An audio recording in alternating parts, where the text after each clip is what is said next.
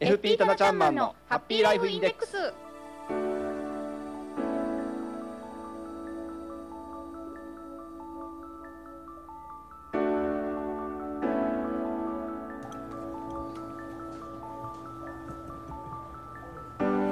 FP タナちゃんマンのハッピーライフインデックス。この時間はあなたの夢と未来をトータルサポートするライフサポート有限会社の提供でお送りします私たちと一緒に明るい未来幸せな生活になるためのマネーライフを考えてみませんか？この番組では皆さんからの疑問質問も受け付けています。宛先は hama.p-wave.ne.jp ハマアットマーク p-wave.ne.jp です。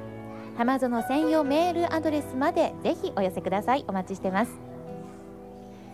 さあそれでは早速一級ファイナンシャルプランニング技能士ライフサポート有限会社代表のタナちゃんマンをお呼びしましょう。タナちゃんマン。はいこんにちは。棚橋です。明けましておめでとうございます。おめでとうございます。今日も爽やか元気いっぱいですね、はい、ありがとうございますいやいやいや、本当にあのタナちゃんの声爽やかですよね。そうですか。ありがとうございます。元気が出る声してらっしゃるなと改めて心身思いました。ありがとうございます。年の初めですね、元気よく元気よくはい、はい、今年もよろしくお願いします。こちらこそお願いします。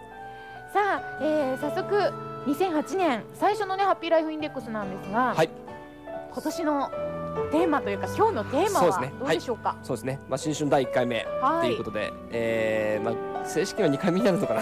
まあよくわかんないですけど。登場していただきますねね、はい、あのこのコーナーでこの番組としては初めてですね。そうですね、はい、ですので、えー、まず1年の初めですのでね、はい、今年こそはお金を貯めようと決意された方もいらっしゃると思うんですけれども、はい、貯めるまずねためにはあの昨年から言っておりますけど目標を立てましょうということでね、じゃあ目標の立て方はどうすればいいのかということで、はい、目標のテーマ、目標の立て方、そうですね。目標を設定するコツをお話をしていきたいと思います。コツといってもねなかなかこううん？と具体的に思い浮かばないんですけどそうですね。まあ今年は100万貯めるぞとかね、はい、よくそういう形で、えー、そう目標はこう設定してもそのコツは具体的にも、ね、と思うんですけども、えー、例えばね今年はいくら貯めようとか思ってもですね、はい、何のためにというものがないとです、ね、なかなかこう挫折をしちゃうと思うんですね。ありますね。はい、まあいいやってなっちゃそう。です。ね。はい、はい、ですので、えー、そのためにやはりコツがあってですね、はい、まず目標を設定するためには3つのポイントを押さえましょうということをお話をさせて、はい、わかりやすいですね3つ。そうですね。はい、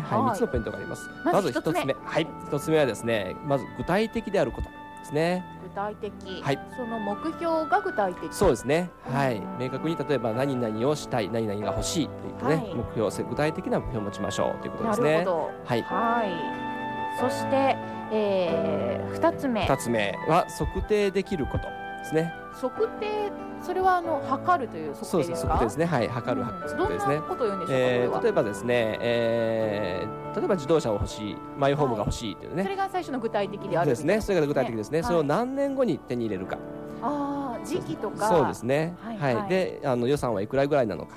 ですね。金額あるいはその時期っていうものを、はい、えー、きちっと測定した形でですね、はい、あの決めましょうということですね。なるほど。これはご自身でもそれをこう調査したり調べたりっていうことがポイントになるんでしょうかね。そうですね。あの例えばまあ車なんかですね、定期的に買い替える周期があったりとかですね、はい、あの何年後に子供さんが例えば学校入学するのでそれに合わせてマイホームを立てようかなとかですね、はい、そういった形であの、えー、設定すればいいのかなと思いますけどね。そうですね。はい、その例えば車の金額もこれぐらいの金額そうですね。で、はい、で何年ぐらいでこれが買えるのかなとか。そうですね。はい。うん、そのような自分自身のその生活に合わせたその金額も実際に調べたりっていうことが重要になりますよね。重要ですね。そうですね。はい。言うと。はい。うん、なるほど。はい。そして、えー、3つ目のポイント、はい、3つ目がですね達成可能であることですね。目標が。そうですね。高すぎずっていうところですよね。はい、はい、やっぱり。無理しちゃうとね途中でも諦めちゃったりとか、はい、はい。なりますんで、えー、はい、やはり夢は叶えないと。そうですね、ね、はい、いけませんので。叶えられる可能な、えー、範囲でということですね。範囲の目標を立てましょうという、ね、はい、えー、この3つのポイントを今ね、はい、挙げていただきましたけれども、はい例えばなんかわかりやすくそうですね。例えばですねあの例では先ほども言いましたけれどもねあの、はい、マイホームが欲しいというあの夢を持ったとします。で、えー、まず具体的であることということでね、えー、どういう家が欲しいのかっていうのはやはり思い描かないといけないと思うんですね。はいはい、というだけじゃダメなんですね。すね。はい、例えば、うん、えー、駅まで徒歩何分ぐらいの場所にあって、はい。はい、あるいはその子どもさんの学校のね、えー、通学に便利なこういう場所にあって、はい。えー、どれぐらいの広さのどういう家が欲しいのか、一戸建てがいいのか、あるいはねマンションがいいのか。あとあるいはその間取りだとかですね、はい、結構あのそういう形で具体的なですね、ええ、ビジュアル的にこう設定していただければよりよくこう達成に近づくんじゃないかなと思いますけどね。家を実際にあのモデルハウス見に行ったりとか、はい、でそこでお話聞いたりそうですね参考にしながらですね、ね、はい、うん、まあ、ビジュアルでこう思い描いていただくっていうのは大事じゃないかなと思いますけどね。具体性につながりますね。そうですね。まず具体的にですね。はい、そして2番目の測定可能というのは、はい、そうですね。先ほど言いましたけれども、えーまあ、5年後に例えばね、はい、5年後に子どもさんが小学校えー、入学するのでその時期に合わせて5年後に取得をするぞ。で、えー、例えば3000万の一戸建てを買うんだとかですね、はい、という形で、あのー、測定できる、えー、何年後にいくらぐらいのものを購入するというですね、はい、測定できるところを決めるということですね。実際にその数字を出すということですね。そうですね、はい、時期にしても金額にしても。そうですね。はい、でもう一つその測定できるということで、えー、例えばその例えば、えー、3000万の物件を購入しようという目標を立てたときに、はい、えー、今手持ち資金がいくらあるのでその購入する時の、はい、えー、頭金ですね、はい、いくらまであの自己資金としてね、はいはい、あの頭金を貯めるのかというところもあの一つ設定するポイントなのかなと思いますけどね。それに合わせて何年ぐらいでローンをそうですね。はい。そうですね。なるほど。はい。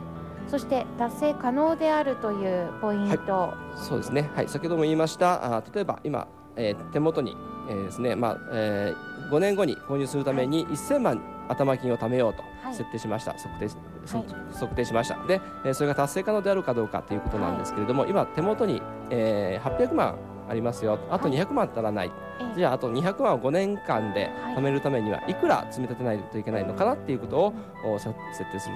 ことですね、はい、で例えば先ほどの、えー、今手元に800万あって、えー、頭金を1000万貯めるためにはあと200万足らない、はい、その200万を5年間で、えー年利1%の福利で運用するとしてですね、はい、えー、計算すると月々約3万2500円の積み立てで5年後に200万が達成できるんですね。はい。意外とこう達成できそう。なんか可能な感じがしますね。一、ヶ月にそのぐらいならという。そうですよね。はい。家を買う。そのなんていうのかな一生涯で一番の夢だと思うんですけれども、はい、夢のためには、えー、月々3万2500円ぐらいであれば、はい、なんとかこう5年間乗り切れそうな気がし、えーね、ちょっとずつ何かを節約してそちらに回すっていうことでそうですね。達成できそうな感じがしますね、ね、はい、この時点でも原潤さんは達成できるか分かりません。ね。でもなんかこう 自分の中で具体的なイメージが湧くと、はい、あ、ね、やってみようかなって感じになりますよね。そうですね。はい。でこの達成可能であるかどうかというところで、はい、例えばこの月々の積立金がね、はい、8万円いるとかね10万円いるとかいうとちょっと大変だと思いますけれども、その時点でなっちゃいますね。ここのところでですね、はい、えー、無理のないようにということで、具体的で測定できて達成可能であるという3つのポイントをですね押さえながら目標を設定していただければあの、必ず夢は達成できるんじゃないかなと思いますけどね。なるほど、家を買うというね、すごく大きな目標でも、今のお話を聞いていると、なんだかあの。本当に夢のまた夢ということじゃないような感じが、ね、はい、ぐっとこう近づいてくる感じが、うん。ね。えー、あのしたと思いますけれどもね。はい、はい、今日のテーマ目標の立て方そのコツには3つのポイント、はい、具体的そして測定可能、はい、達成可能であることというのをさなちゃんに教えてい。ただきました。はい、はい、えー、たくさんのねメールもいただいてまして実は、はい。少しだけご紹介させてい。ただきたいなと思うんですが。えー、37歳の男性から、はい、例えばね今日のテーマにちょっと関連してるんですけど、はい、来年目標を立てて家族旅行に出かけたいと。まだでも子供に手がかかるから行けるかわからないな頑張りますというのがあるんですがあなるほどですね。具体的な割と近い目標だと思うんですけど、ね。はい、これも今日のそうですね。はい。どこに行きたいのか。